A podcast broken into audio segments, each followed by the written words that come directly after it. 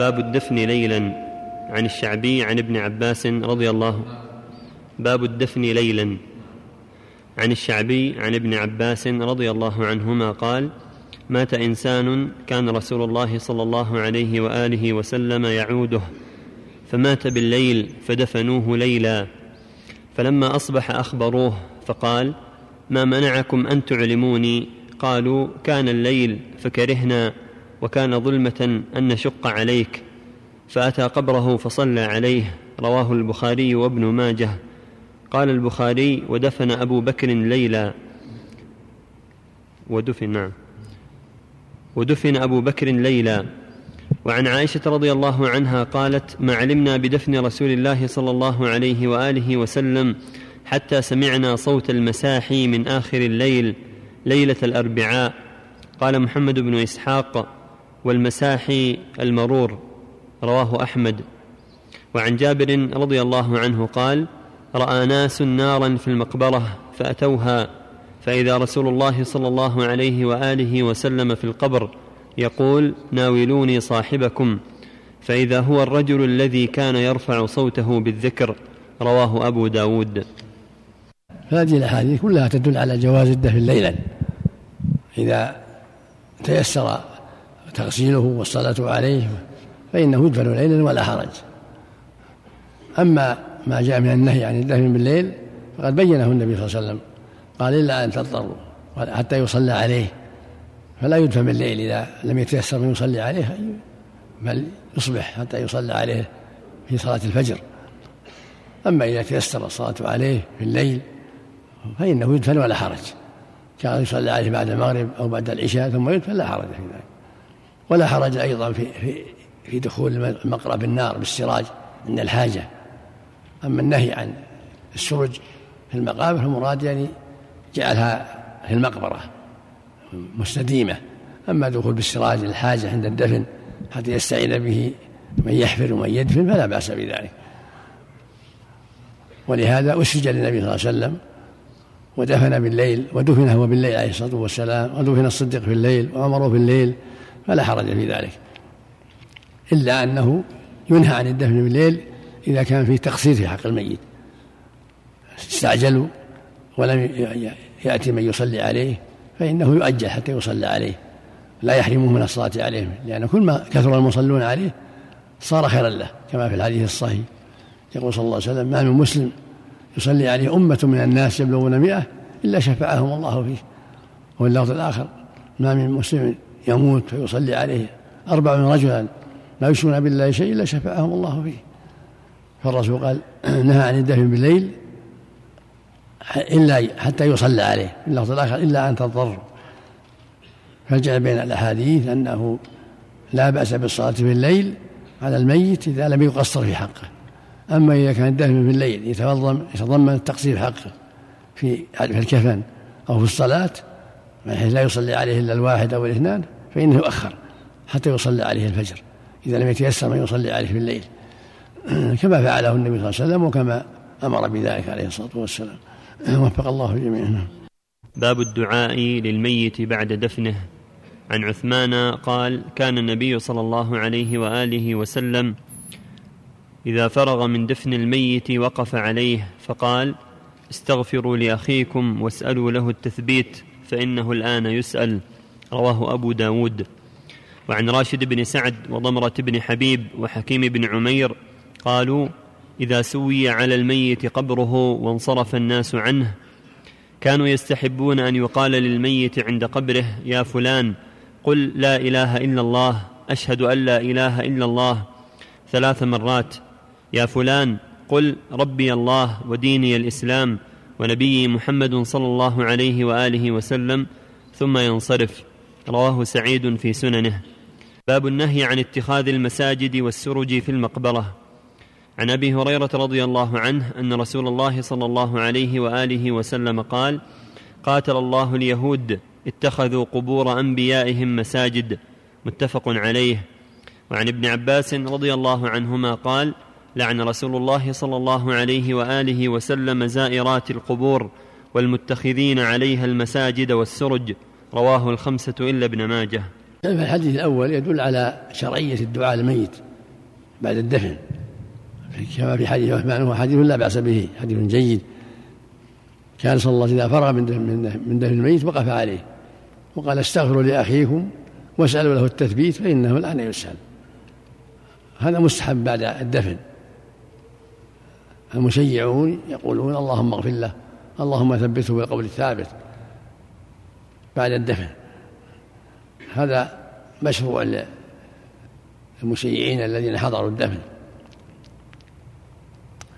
أما التلقين الذي ذكره راشد بن سعد وضر بن حبيب وحكيم هذا يروى عن جماعة من أهل الشام لما مات أبو المغيرة. ويروى في حديث عن أبي أمامة ولكنه غير صحيح. الحديث غير صحيح وكلام هؤلاء الذين يلقون الميت بعد الموت كلام لا, لا أصل له وليس بصحيح. والصواب أنه بدعة لا, لا دليل عليه ما كان النبي يلقن الموتى. هذا أمرهم من الله أن الله ثبتهم تكلموا بالحق وإن لم يثبتوا زاغوا عن الحق ما ينفعهم التلقين بعد الموت. هذا ينفع بعد قبل الموت يعني. إذا لقنوا قبل الموت وهم أحياء ونصحوا ووجهوا إلى الخير هذا اللي ينفعهم. أما بعد الموت فقد تم الأمر. فالتلقين بعد الموت بدعة لا أساس له.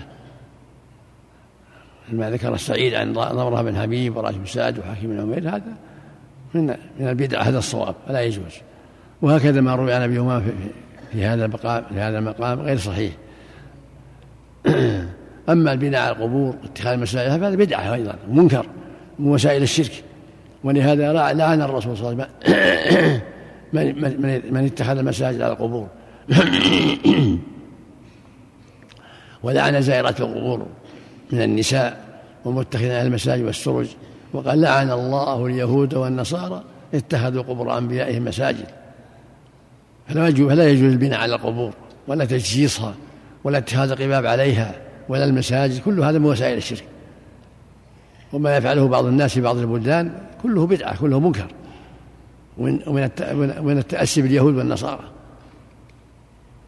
فالقبر يبقى مكشوف فقط ولا يبنى عليه ولا يتخذ قبة ولا غير ذلك ولا سرج ولا غير ذلك. بل بل كما كان في عهد النبي صلى الله عليه وسلم يرفع قدر شبر حتى يعرف أنه قبر حتى لا يمتهن يكفي. ولا يبنى عليه ولا يجصص ولا يوضع عليه قبة ولا مسجد كل هذا من البدع. ومن وسائل الشرك. فالواجب الحذر من ذلك والتحذير من ذلك. باب وصول ثواب القرب المهداة إلى الموتى. عن عبد الله بن عمرو أن العاص بن وائل نذر في الجاهلية أن ينحر مئة بدنة وأن هشام بن العاص نحر حصته خمسين وأن عمرا سأل رسول الله صلى الله عليه وآله وسلم عن ذلك فقال أما أبوك فلو أقر بالتوحيد فصمت وتصدقت عنه نفعه ذلك. رواه أحمد. وعن أبي هريرة أن رجلا قال للنبي صلى الله عليه وآله وسلم إن أبي مات ولم يوصي أفينفعه أن أتصدق عنه؟ قال نعم. رواه أحمد ومسلم والنسائي وابن ماجه. وعن عائشة رضي الله عنها أن رجلا قال للنبي صلى الله عليه وآله وسلم إن أمي افتلتت نفسها واراها لو تكلمت تصدقت فهل لها أجر إن تصدقت عنها؟ قال نعم متفق عليه. وعن ابن عباس رضي الله عنهما أن رجلا قال لرسول الله صلى الله عليه وآله وسلم إن أمي توفيت أينفعها إن تصدقت عنها؟ قال نعم. قال فإن لي مخرفا فأنا أشهدك أني قد تصدقت به عنها. رواه البخاري والترمذي وأبو داود والنسائي. وعن الحسن عن سعد بن عبادة عن سعد بن عبادة أن أمه ماتت فقال يا رسول الله إن أمي ماتت أفأتصدق عنها؟ قال نعم. قال فأي الصدقة أفضل؟ قال سقي الماء. قال الحسن فتلك سقاية آل سعد بالمدينة. رواه أحمد والنسائي. هذه الأحاديث كلها تدل على شرعية الصدقة عن الميت وأنها تنفعه. كما لو تصدق بنفسه. فإذا صدق عنه أولاده أو غيرهم بنقود أو بطعام أو وقفوا له وقفا كل ذلك ينفعه. هذه الأحاديث التي فيها أنهم سألوا النبي صلى الله عليه وسلم فأجابهم. هذا يقول أمي ماتت ولم توصي وأظنها لو تكلم صدقت أفلها أجر صدقت فقال نعم. والآخر كذلك يسأل والآخر يسأل هذا كله يدل على أن الصدقة عن الميت سواء أوصى أو ما أوصى تنفعه ويأجره الله عليه إذا كان مسلم. أما الكافر لا ولهذا قال النبي في حديث عبد الله بن عمر أن أباك لو وحد الله لنفعه الصدقة عنه. وهو نذر في الجاهلية أن ينحر مئة من الإبل. فنحر عنه منه هشام خمسين وبقي خمسون. فنذور الجاهلية باطلة. لا لا يوفى بها. لأن الميت على الكفر لا ينفعه ذلك. وقدمنا إلى ما عملوا من عمل فجعلناه هباء منثورا. ولو أشركوا لحبط عنهم ما كانوا يعملون. كذلك اللي سأل الرسول عن عن, عن أمه أنها أنه يحب أن يصدق عنها. فلما قال لها نعم قال إن إني قد جعلت المخرف الذي كذا كذا صدقة صدقة لها. المخرف يعني بستان. يعني وقفت لها البستان. هذا يدل أنه إذا وقف عن أبيه أو عن أمه بستانا أو بيتا أو دكانا أو مزرعة تنفق في وجوه البر هذا لا ينفع ذلك. والمخرف في البستان فالمعنى أني وقفت هذا البستان لأمي. يعني تكون غلته صدقة لها. هكذا لو وقف بيت أو وقف أرضا زراعية يكون تكون أجورها إذا أجرت صدقة لأمة كذا كل هذا لا بأس به. وهكذا لو أوقف كتب جعل ثوابها لأبيها وأمه كتب أو سلاح في الجهاد في سبيل الله ينفع. وهكذا صدقة سعد بن عبادة مشهورة أنه صد أن الرسول أوصاها بالصدقة بالماء. رواية الحسن عن سعد منقطعة لأن الحسن ما أدرك سعد سعد مات قديما في أول قبل بعد وفاة النبي بيسير عليه الصلاة والسلام. فرواية الحسن عن سعد بن عبادة منقطعة لكن وقفهم وسقايتهم مشهورة. فإذا تيسر أنه يوقف ماء بئر يرتوي منها الناس أو مدي يرتوي منها الناس أو عينا جارية يستقي منها الناس أو ما أشبه ذلك. هذا خير عظيم. يقول النبي صلى الله عليه وسلم إذا مات ابن آدم انقطع عمله إلا من ثلاث صدقة جارية أو علم ينتفع به أو ولد صالح يدعو له. ومن الصدقة التي ينفع الله بها الأموال الضحايا الضحية عن الميت لأنها من الصدقة.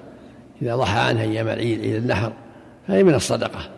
كما كان النبي يضحي عن نفسه وعن من وحد الله من أمته.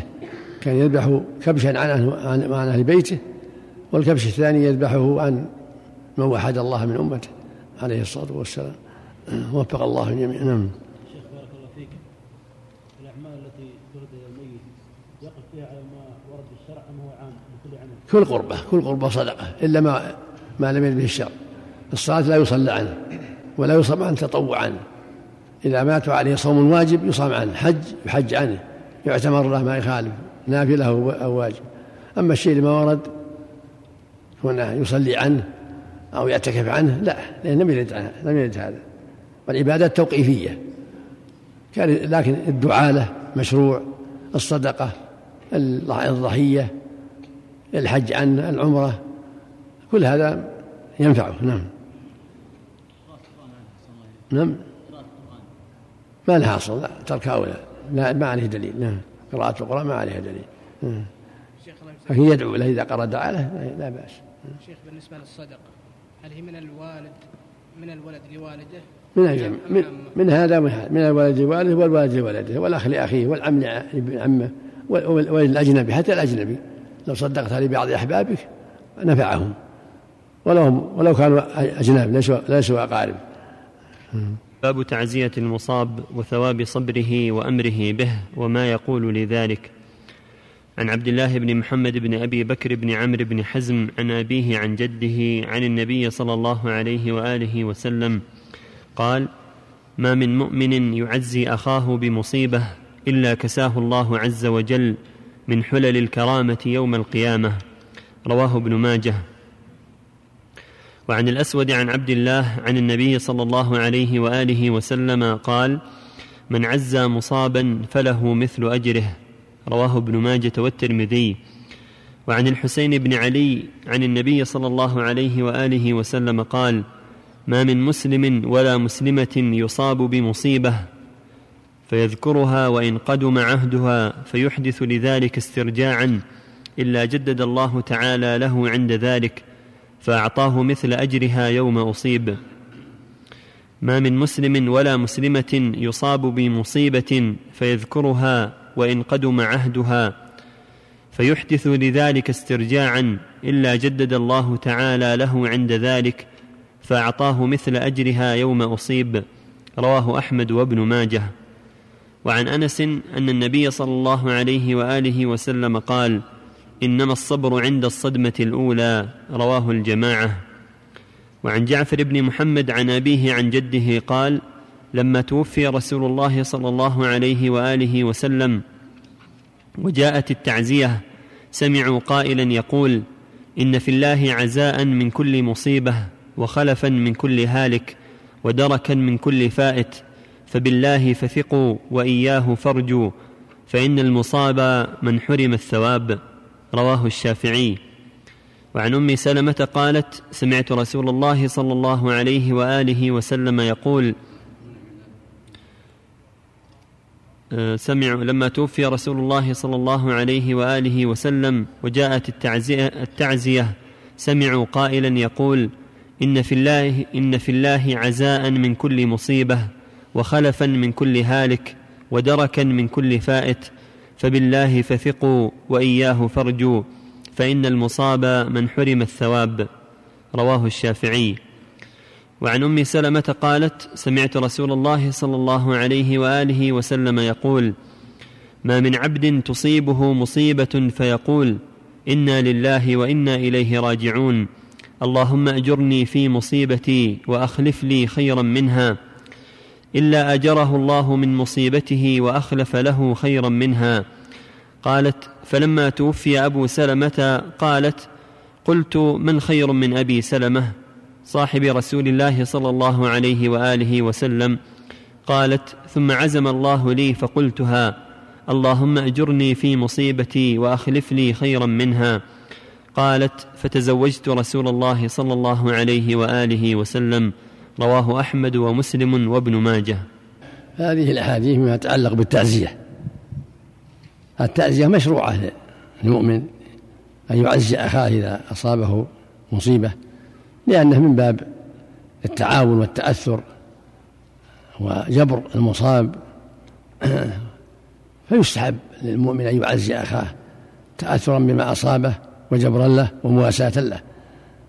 والأحاديث في هذا الباب كلها ضعيفة لكن يشد بعضها بعضا. منها الحديث الأول من عز مصابا ألبسه الله من حلل الكرامة يوم القيامة. والثاني من عز مصابا فله مثل أجره. ذكر أهل العلم أنها كلها ضعيفة. ولكن يشد بعضها بعضا ويستأنس بها في التعزية. ولما فيه من ولما في النصوص من حث المسلم على ملاحظة أخيه ومعاونته على كل ما يدفعه عن البلاء ويخفف عنه المصائب. فالمسلم أخو المسلم والمؤمن أخو المؤمن. ففي التعزية جبر للمصيبة وتسلية للمصاب ومواساة له. وهكذا ما جاء في الأثر الذي رواه جعفر بن محمد أنهم سمعوا قائلا يقول لما توفنا إن في الله عزاء من كل مصيبة. وخلفا من كل هالك ودركا من كل فائت فبالله فثقوا وإياه فارجوا هذا علي بن الحسين لم يدرك الواقع لكن هذا مما سمعه من غيره. وهذه أيضا تسلية للمسلمين. قد يكون قال ذلك أحد الملائكة إذا ثبت من باب التعزية في المصيبة. قوله صلى الله عليه وسلم إنما الصبر عند الصدمة الأولى هذا حديث صحيح. لما رأى امرأة تبكي على صبي قال اتق الله واصبري فلم تعرفه ثم أخبرت فذهبت إليه وقال لم أعرفك فقال إنما الصبر عند الصدمة الأولى. يعني الإنسان يتسلى بعد حين يتعزى بعد حين إذا طالت المدة فالصبر الواجب والذي فيه الأجر العظيم عند الصدمة الأولى. عندما يصاب بالمصيبة يبالي بالصبر والاحتساب. ومعنى الصبر يعني الكف عما لا ينبغي فلا ينتف شعرا ولا يلطم خدا ولا يدعو بدعوى الجاهلية بل يحتسب ويصبر. هكذا المؤمن. كما قال صلى الله عليه وسلم ليس منا من ضرب الخدود أو شق الجيوب أو دعا بدعوى الجاهلية. وقال صلى الله عليه وسلم أنا بريء من الصالقة والحالقة والشاقة. الصالقة التي ترفع صوتها عند مصيبة والشاقة تشق ثوبها عند مصيبة. والحالقة تحلق شعرها أو تنتف هذا كله منكر كله لا يجوز. فالصبر هو الإنسان يتحمل المصيبة ويقول إنا لله وإنا إليه راجعون الحمد لله على كل حال اللهم أجرني في مصيبتي واخلف خيرا منها ولا يتعدى ذلك. لا يشق ثوب ولا يطم خد ولا يدعو بدعوى الجاهلية ولا ينوح إلى غير هذا مما نهى الله عنه. بل يتحلى بالصبر ويعمل ما شرع الله. هكذا يجب عند المصائب. حديث أم يقول النبي صلى الله عليه وسلم مع عبد يصاب بمصيبة فيقول إنا لله وإنا إليه راجعون. اللهم أجرني في مصيبتي وأخلف خيرا منها. الا أجره الله في مصيبته وأخلف له خيرا منها وأخلف له خيرا منها. قالت أم سلمة لما مات أبو سلمة قلت من خير من أبي سلمة؟ صاحب رسول الله صلى الله عليه وسلم. ثم عزم الله لها فقالتها. فأخلف الله عليها أن تزوجها النبي عليه الصلاة والسلام. فالمؤمن يتحرى الأمر المشروع ولا يستبعد الإجابة بل يحسن ظنه بربه ويقول عند المصيبة اللهم يقول إنا لله وإنا إليه راجعون. كما قال الله جل وعلا بشر الصابرين الذين إذا أصابتهم مصيبة قالوا إنا لله وإنا إليه راجعون. أولئك عليهم صلوات من ربهم ورحمة وأولئك هم المهتدون. ويقول أيضا ما في حديث سلمة اللهم أجرني في مصيبتي اللهم أجرني أو اللهم آجرني لغتان في مصيبتي وأخلف لي خيرا منها. يسحب أن يقول هذا مع قوله إنا لله وإنا إليه راجعون. ويحمد الله على ما أصابه. ويقول في لله ما أخذ وله ما أعطى. كل شيء عنده بأجل مسمى. وفق الله الجميع باب صنع الطعام لأهل الميت وكراهته منهم للناس. عن عبد الله بن جعفر قال لما جاء نعي جعفر حين قتل قال النبي صلى الله عليه وآله وسلم اصنعوا لآل جعفر طعاما. اصنعوا لآل جعفر طعاما.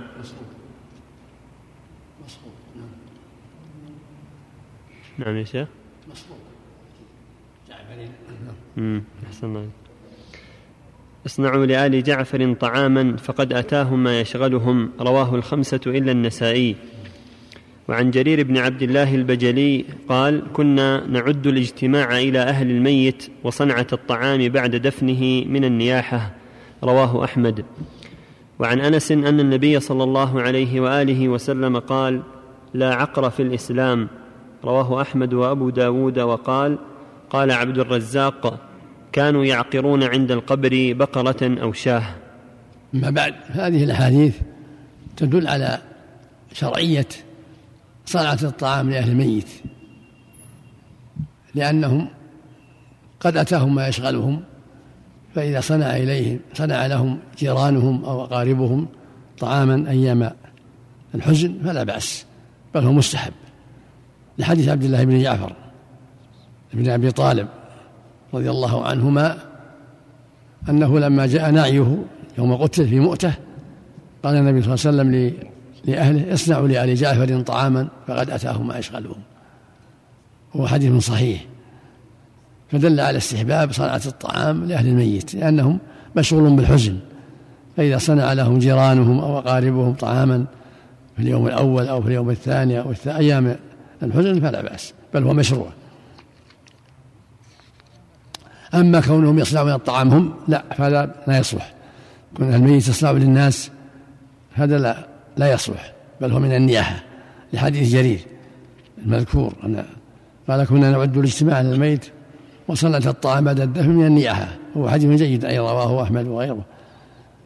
فأهل الميت لا يصنعون للناس. أما إذا جاءهم الطعام من غيرهم ودعوا إليه جيرانهم وأكلوا معهم لا بأس. أو قسموا فضلتها على جيرانهم لا بأس. أما أنهم يصنعون الطعام للناس ويجمعونهم هذا من من أمر الجاهلية لا يصلح. والحديث الثاني يقول صلى الله عليه وسلم لا عقر في الإسلام. كانت الجاهلية تعقر في الإسلام عند القبور. عند قبر المعظم يعقرون عنده بعير أو بقرة تعظيما له. هذا من من أمر الجاهلية. فلا يجوز الذبح هذا عند القبور والعقر لها. لا عند لا بعد الدفن ولا بعد مدة. كله من أمر الجاهلية. ولهذا قال صلى الله عليه وسلم لا عقر في الإسلام. أما كون أهل الميت يعزون في البيت أو في الطريق أو في المسجد أو يزورهم إخوانهم ويعزونهم يشربون قهوة أو شاي أو فلا يضر هذا. لكن لا يصنعوا شيء يتعمدون من أجل الميت وليمة. لأن الناس لا. أما كونه يزوره إخوانه في البيت يسلمون عليه ويدعون له بالعزاء فلا بأس. ولو شرب الزائر قهوة أو شرب شاي ما يضر. وفق الله الجميع باب ما جاء في البكاء على الميت وبيان المكروه منه.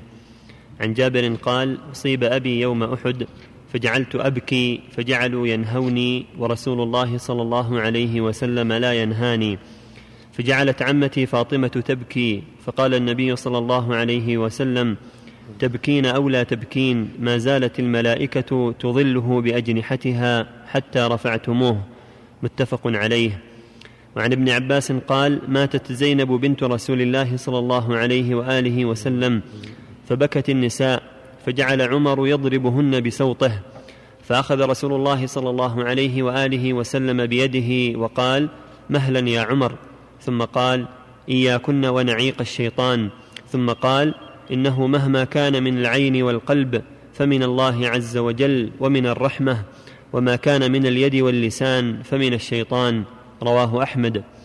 وعن ابن عمر قال اشتكى سعد بن عبادة شكوى له فأتاه رسول الله صلى الله عليه وآله وسلم يعوده مع عبد الرحمن بن عوف وسعد بن أبي وقاص وعبد الله وعبد الله بن مسعود فلما دخل عليه وجده في غشية فقال قد قضى فقالوا لا يا رسول الله فبكى رسول الله صلى الله عليه وآله وسلم فلما رأى القوم بكاءه بكوا فقال ألا تسمعون؟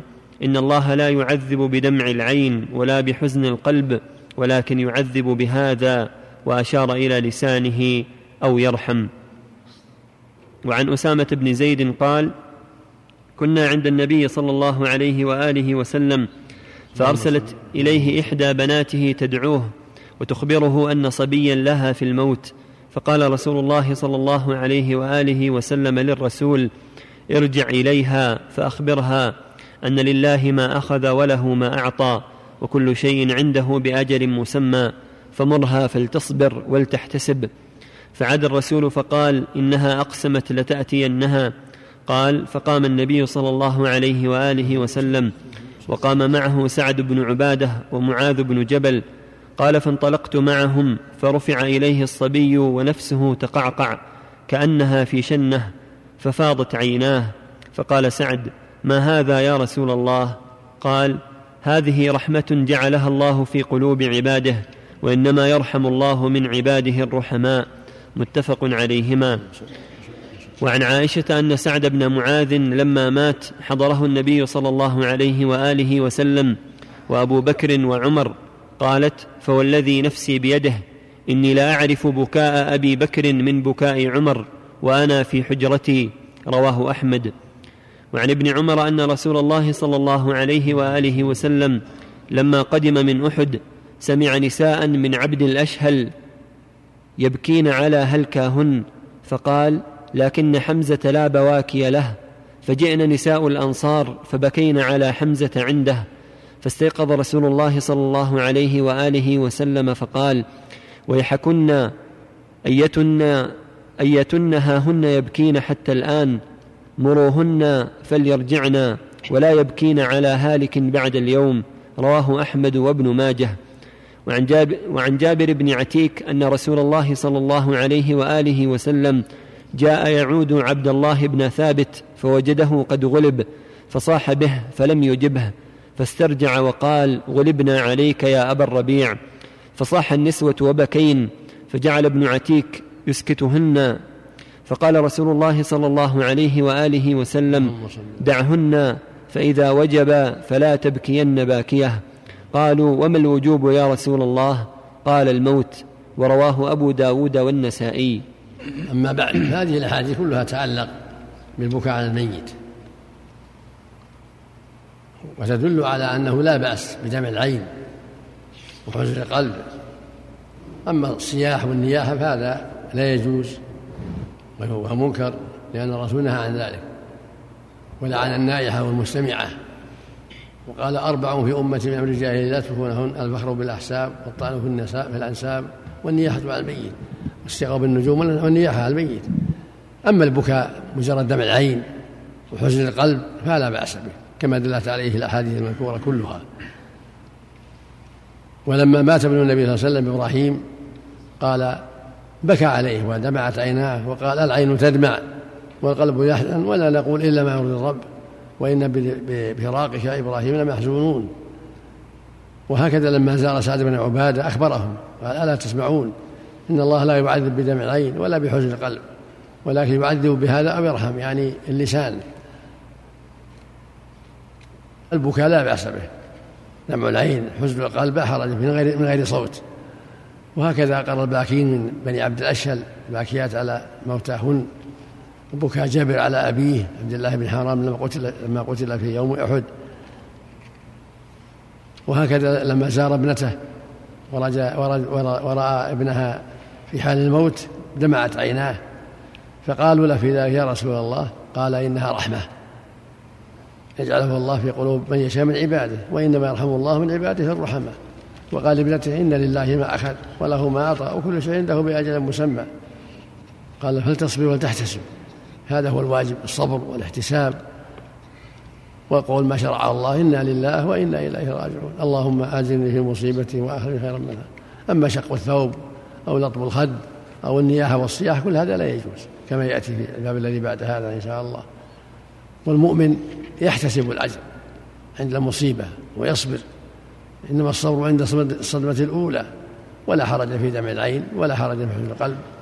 هذا أمر لا لا بأس به. وفي قوله لابنته فلتصبر وتحتسب لله ما أخذ إلى آخره. الدلالة على أنه ينبغي وعظ المصاب وتسليته حتى على الصبر كما فعل النبي صلى الله عليه وسلم. فأهل الميتة وأهل الميت يعزون ويحثون على الصبر والاحتساب ويحذرون ما حرم الله من شق ثوب أو لطم خد أو رفع الصوت. فيه ما فعله مع ابنته دلالة على تواضعه وحسن خلقه عليه الصلاة والسلام. فإنها أقسمت عليه فقام إليها. أقسمت أنه يأتي يأتي. لما جرى على لما حصل عندها من المصيبة وهي وهو وجود آثار الموت في ابنها. فلما أقسمت عليه قام إليها عليه الصلاة والسلام جبرا لها وذهب إليها ومعه سعد بن عبادة ومعاذ وأوصاها بالصبر والاحتساب وقال لله ما أخذ إلى آخره. وفاضت عيناه لما رأى حال الصبي. فلما سئل عن هذا قال إنها رحمة وإنها يرحم الله من عباده الرحمة. ففي هذا أن الرجل وإن كان كبيرا يرحم من دونه. كبنته وأخته ولو كان كبيرا ولو كان عالما ولو كان أميرا ولو كان ملكا عليه الرحمة وعليه التواضع وتعزية المصابة من ابنة أو أخت أو غير ذلك. فالرسول لما لزمت عليه قام من مجلسه وذهب إليها معه بعض الصحابة لجبر مصابها وتعزيتها وتسليتها. هذا كله من التواضع الذي شرعه الله ومن العناية بالمصابين وجبرهم بالتعزية والوصية والواعظة وفق الله جميعا. نعم. نعم. إيش؟ قال ماتت زينب بنت رسول الله صلى الله عليه وسلم فبكت النساء فجعل عمر يضربهن بسوقه هي صحة نظر هي صحة نظر نعم. في بعض العلل. نعم. نعم. باب النهي عن النياحة والندب وخمش الوجه ونشر الشعر ونحوه والرخصة في يسير الكلام من صفة الميت. عن ابن مسعود أن النبي صلى الله عليه وآله وسلم قال ليس منا من ضرب الخدود وشق الجيوب ودعا بدعوى الجاهلية. وعن أبي بردة قال وجع أبو موسى وجعا فغشي عليه ورأسه في حجر امرأة من أهله فصاحت امرأة من أهله لم يستطع فلم يستطع أن يرد عليها شيئا. فلما أفاق قال أنا بريء ممن برئ منه رسول الله صلى الله عليه وآله وسلم. فإن رسول الله صلى الله عليه وآله وسلم برئ من الصالقة والحالقة والشاقة. وعن المغيرة بن شعبة قال سمعت رسول الله صلى الله عليه وآله وسلم يقول إنه من ينح عليه يعذب بما نيح عليه. وعن عمر أن النبي صلى الله عليه وآله وسلم قال إن الميت يعذب ببكاء الحي وفي رواية ببعض بكاء أهله عليه. وعن ابن عمر عن النبي صلى الله عليه وآله وسلم قال إن الميت يعذب ببكاء أهله عليه. وعن عائشة رضي الله عنها قالت إنما قال رسول الله صلى الله عليه وآله وسلم إن الله ليزيد الكافر عذابا ببكاء أهله عليه. متفق على هذه الأحاديث. ولأحمد ومسلم عن ابن عمر عن النبي صلى الله عليه وآله وسلم قال الميت يعذب في قبره بما ينح عليه. وعن أبي مالك الأشعري أن النبي صلى الله عليه وآله وسلم قال أربع في أمتي من أمر الجاهلية لا يتركونهن الفخر بالأحساب والطعن في الأنساب والاستسقاء بالنجوم والنياحة. وقال النائحة إذا لم تتب قبل موتها تقام يوم القيامة وعليها سربال من قطران ودرع من جرب. رواه أحمد ومسلم. وعن أبي موسى أن النبي صلى الله عليه وآله وسلم قال الميت يعذب ببكاء الحي إذا قالت النائحة وعضداه وناصراه وكاسباه جبذ الميت وقيل له أنت عضدها أنت ناصرها أنت كاسبها رواه أحمد. وفي لفظ ما من ميت يموت فيقوم باكيهم فيقول وجبلاه ومسنداه أو نحو ذلك إلا وكل به ملكان يلهزانه. أهكذا كنت؟ رواه الترمذي. وعن النعمان بن بشير قال أغمي على عبد الله بن رواحة فجعلت أخته عمرة تبكي واجبلاه وكذا وكذا تعدد عليه. فقال حين أفاق ما قلت شيئا إلا قيل لي أنت كذلك؟ فلما مات لم تبك عليه. رواه البخاري. وعن أنس قال لما ثقل رسول الله صلى الله عليه وآله وسلم جعل يتغشاه الكرب فقالت فاطمة واكرب أبتاه فقال ليس على أبيك كرب بعد اليوم فلما مات قالت يا أبتاه أجاب ربا دعاه يا أبتاه جنة الفردوس مأواه يا أبتاه إلى جبريل ننعاه فلما دفن قالت فاطمة أطابت أنفسكم أن تحثوا على رسول الله صلى الله عليه وآله وسلم التراب رواه البخاري.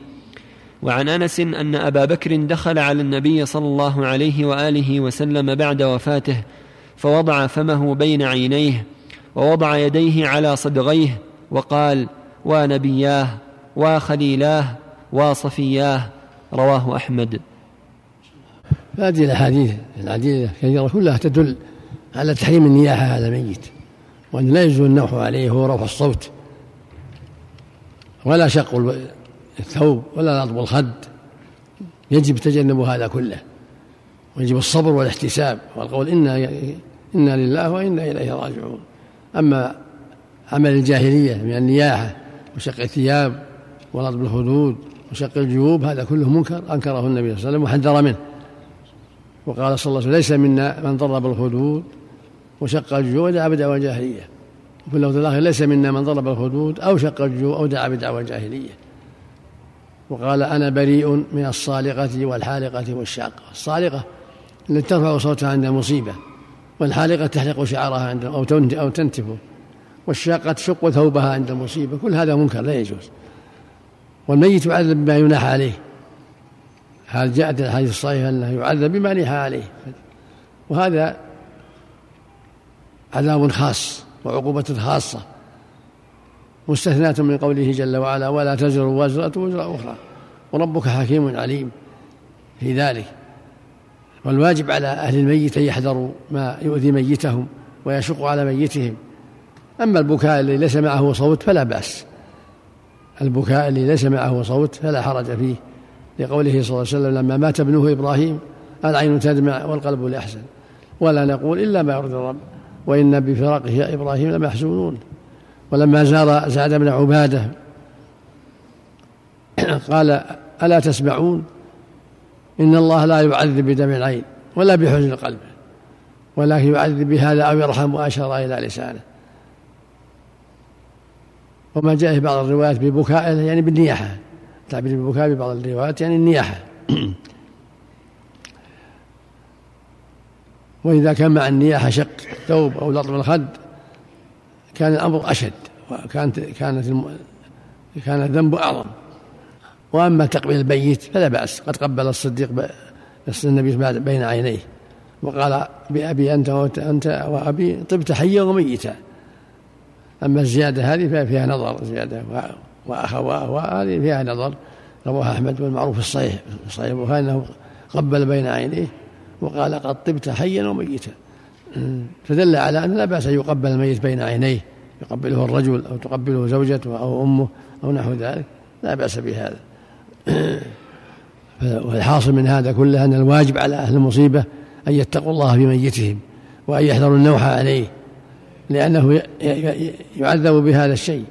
أما ما جاء عن عائشة أن الرسول قال إن الكافر يعذب يزاد في عذابه فهذا لا لا يمنع الرواية في حق المسلم الكافر والمسلم. ولا يقتضي منع هذا في حق الكافر في حق المؤمن. المقصود أنها خفي عليها الأمر رضي الله عنها فظنت أن هذا في الكافر فقط. والأمر عام ليس خاصا بالكافر. وهو شيء خاص وعقوبة خاصة. من ضمنها تحذير أهل الميت من فوائدها تحذير أهل الميت من النياحة وشق الثياب وضرب الخد ونحو ذلك.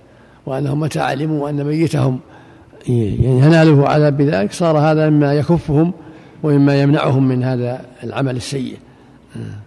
رزق الله جميع التوفيق والهداية. نعم. باب الكف عن ذكر مساوئ الأموات. عن عائشة قالت قال رسول الله صلى الله عليه وآله وسلم لا تسبوا الأموات فإنهم قد أفضوا إلى ما قدموا. رواه أحمد والبخاري والنسائي.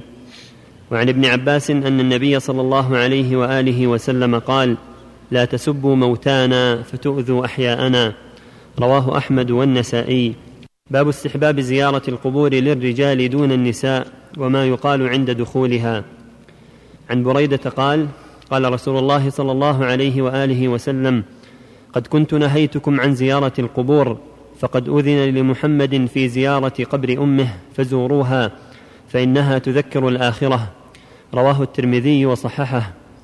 وعن أبي هريرة قال زار النبي صلى الله عليه وآله وسلم قبر أمه فبكى وأبكى من حوله فقال استأذنت ربي أن أستغفر لها فلم يأذن لي واستأذنته في أن أزور قبرها فأذن لي فزوروا القبور فإنها تذكر الموت. رواه الجماعة.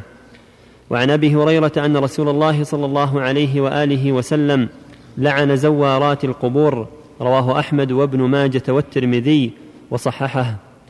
وعن عبد الله بن أبي مليكة أن عائشة أقبلت ذات يوم من المقابر فقلت لها يا أم المؤمنين من أين أقبلت؟ قالت من قبر أخي عبد الرحمن فقلت لها أليس كان نهى رسول الله صلى الله عليه وآله وسلم عن زيارة القبور؟ قالت نعم كان نهى عن زيارة القبور ثم أمر بزيارتها رواه الأثرم في سننه. وعن أبي هريرة أن النبي صلى الله عليه وآله وسلم أتى المقبرة فقال السلام عليكم دار قوم مؤمنين وإنا إن شاء الله بكم لاحقون. رواه أحمد ومسلم والنسائي. ولأحمد من حديث عائشة مثله وزاد اللهم لا تحرمنا أجرهم ولا تفتنا بعدهم. وعن بريدة قال كان رسول الله صلى الله عليه وآله وسلم يعلمهم إذا خرجوا إلى المقابر أن يقول قائلهم السلام عليكم أهل الديار من المؤمنين والمسلمين وإنا إن شاء الله بكم للاحقون. نسأل الله لنا ولكم العافية. رواه أحمد ومسلم وابن ماجه. في الحديث الأول وما جاء في معناه تحذير من سب الأموات. يقول صلى الله عليه وسلم لا تسبوا الأموات فإنهم قد أفضوا إلى ما قدموا.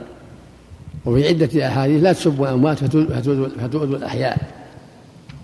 وفي حديث عائشة رواه أحمد وغيره بإسناد جيد لا تذكروا تذكروا ذكركم إلا بخير.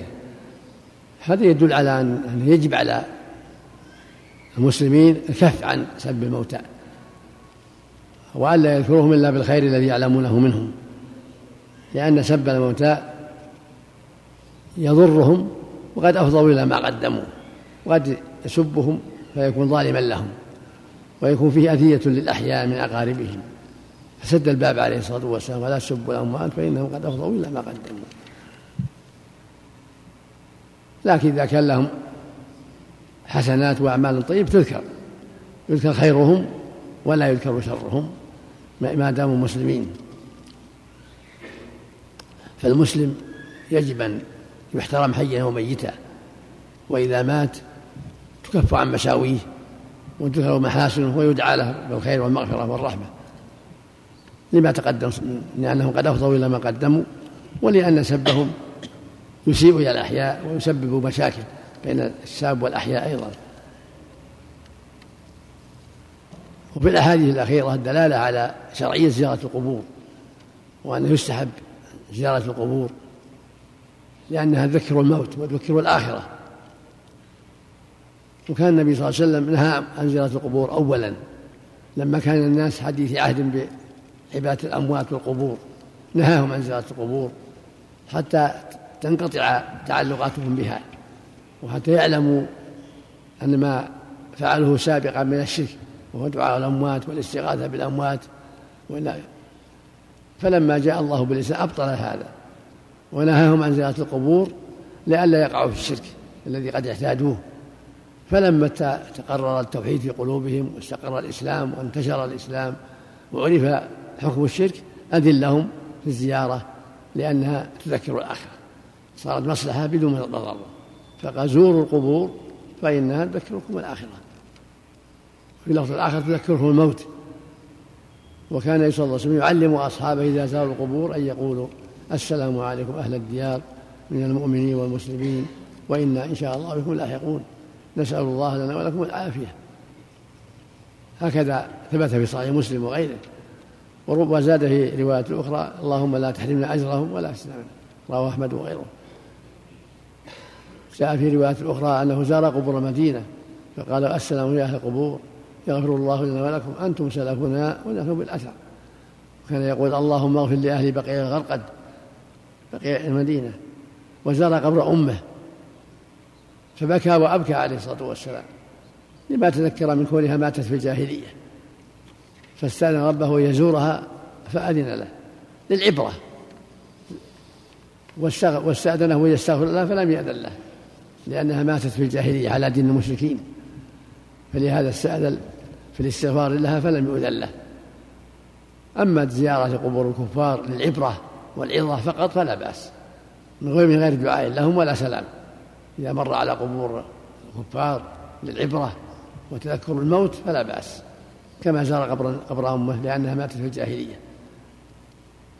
في الأبواء في طريق المدينة. أما المسلم فيزار ويدعى له. المسلم الميت يزار قبره ويدعى له. وهكذا قبور المسلمين. يزارون ويدعى لهم للذكرى لذكر الآخرة والموت وللإحسان للموتى أيضا. أما أهل الجاهلية والكفار فإذا زارهم النساء لا بأس لكن لا يدعو لهم ولا يسلم. إذا زار قبور المشركين أو أهل الجاهلين ما تعرف حالهم إنما يسلم إنما يزور العبرة والذكر ولا يسلم ولا يدعو إلا إذا كانوا مسلمين. وفق الله الجميع. نعم. باب ما جاء في الميت ينقل أو ينبش لغرض صحيح. عن جابر قال أتى النبي صلى الله عليه وآله وسلم عبد الله بن أبي بعدما دفن فأخرجه فنفث فيه من ريقه وألبسه قميصه. وفي رواية أتى رسول الله صلى الله عليه وآله وسلم عبد الله بن أبي بعدما بعدما أدخل حفرته فأمر به فأخرج فوضعه على ركبتيه فنفث فيه من ريقه وألبسه قميصه. فالله أعلم. وكان كسى عباسا قميصا قال سفين فيرون أن النبي صلى الله عليه وآله وسلم ألبس عبد الله قميصه مكافأة بما صنع. رواهما البخاري. وعن جابر قال أمر رسول الله صلى الله عليه وآله وسلم بقتلى أحد أن يردوا إلى مصارعهم وكانوا نقلوا إلى المدينة. رواه الخمسة وصححه الترمذي. وعن جابر قال دفن مع أبي رجل فلم تطب نفسي حتى أخرجته في قبر على حدة. رواه البخاري والنسائي. ولمالك في الموطأ أنه سمع غير واحد يقول أن سعد بن أبي وقاص وسعيد بن زيد ماتا بالعقيق فحملا إلى المدينة ودفنا بها. ولسعيد في سننه عن شريح بن عبيد الحضرمي أن رجالا قبروا صاحبا لهم لم يغسلوه ولم يجدوا له كفنا. ثم لقوا معاذ بن جبل فأخبروه فأمرهم أن يخرجوه فأخرجوه من قبره ثم غسل وكفن وحنط ثم صلى عليه. هذه الأحاديث والآثار فيما يتعلق بإخراج الميت من قبره ونقله من محل موته إلى محل آخر. حديث عبد الله بن أبي بن سلول أنه أخرج من قبره وكساه النبي صلى الله عليه وسلم قميصا ونفث فيه. كان عبد الله بن أبي بن سلول هذا رأس المنافقين وكان من أخبث الناس وأشرهم وكان ضد النبي صلى الله عليه وسلم وضد المسلمين وله مواقف خبيثة. وكان النبي صلى الله عليه وسلم يصفح عنه ويتألفه لأنه كان رئيسا في الخزرج وقد كادوا أن يملكوه عليهم حتى هاجر النبي إليهم عليه الصلاة والسلام. فأصابه بهذا شر عظيم لأن قدوم النبي صلى الله عليه وسلم في المدينة حال بينه وبين الرياسة فلم يزل في قلبه من الشر ما فيه والنفاق حتى مات. وكان ابنه عبد الله بن عبد الله من أصلح الناس ومن خير الناس. وكان النبي صلى الله عليه وسلم يتألف عبد الله ويتقبل منه ما أظهر من الخير. رجاء أن يهديه الله رجاء أن يسلم. وأيضا مراعاة لجماعته وعشيرته يتألفهم على الإسلام عليه الصلاة والسلام. فلما توفي طلب ولده عبد الله كما في الروايات الأخرى عند البخاري أن يلبسه قميصه. لعل الله ينفعه بهذا القميص ببركة كونه مس جسد النبي صلى الله عليه وسلم. فأجابه النبي إلى ذلك وأخرجه بعدما دل في القبر وألبسه قميص رجاء أن ينفعه الله بذلك.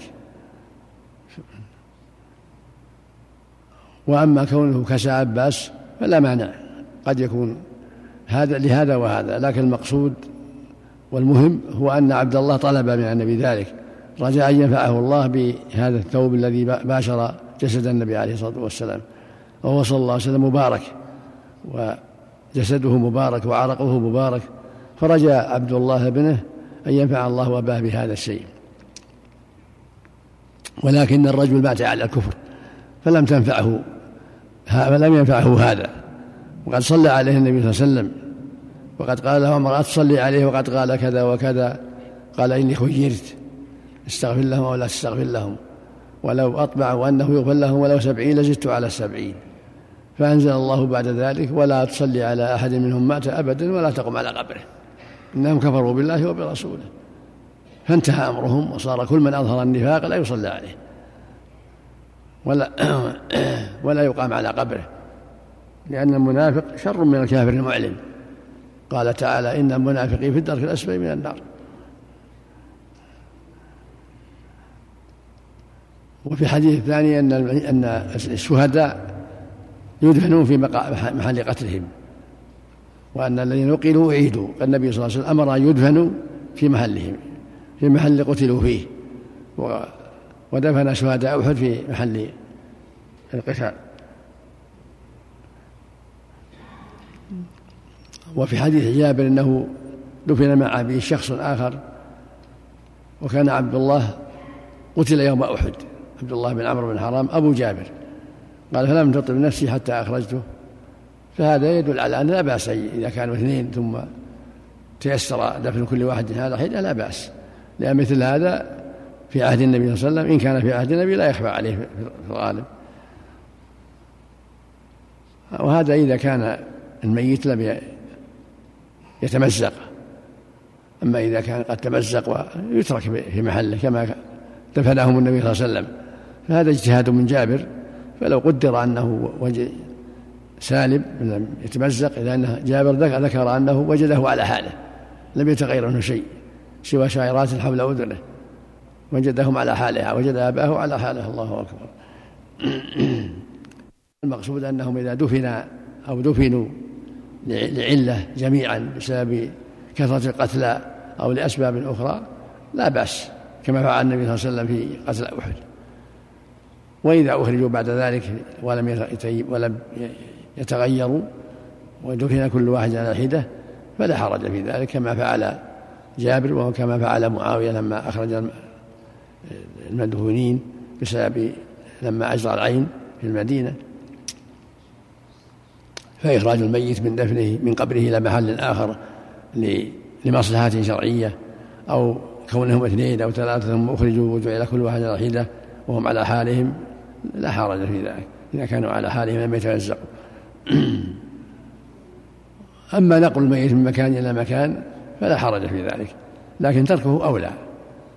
وسعد نقل وسعيد بن زيد نقلوا من على المدينة إلى البقيع لا حرج فيه لأن المسألة قريبة. لكن إذا مات في بلد فلا ينقل إلى بلد أخرى لما فيه من مشقة وعدم الدليل. فإذا مات في في الرياض أو في القصيم لا ينقل إلى المدينة وإلا إلى مكة أو إلى بلد آخر يدفن في محله. لأن الصحابة دفنوا أمواتهم في محلهم اللي مات في الكوفة دفنوا في الكوفة واللي مات في البصرة دفنوا في البصرة واللي مات في المدينة دفنوا في المدينة واللي مات في غيره دفنوا في محله. هذا هو السنة وعدم النقل لأن هذا في مشقة. أما إذا كان قريب مثل سعد وسعيد في أعلى المدينة نقلوه إلى البقيع هذا شيء بسيط شيء خفيف لا يكلفه شيئا ولا حرج. وهكذا لو دفن لو دفن الإنسان ولم يغسل ولم يكفن فإنه يخرج. إذا كان العهد قريب بالحال يخرج ويغسل ويكفن. كما في الأثر الذي عن معاذ الأخير هذا إذا كان قريبا قبل أن يتغير. أما إذا تغير فيترك على حاله.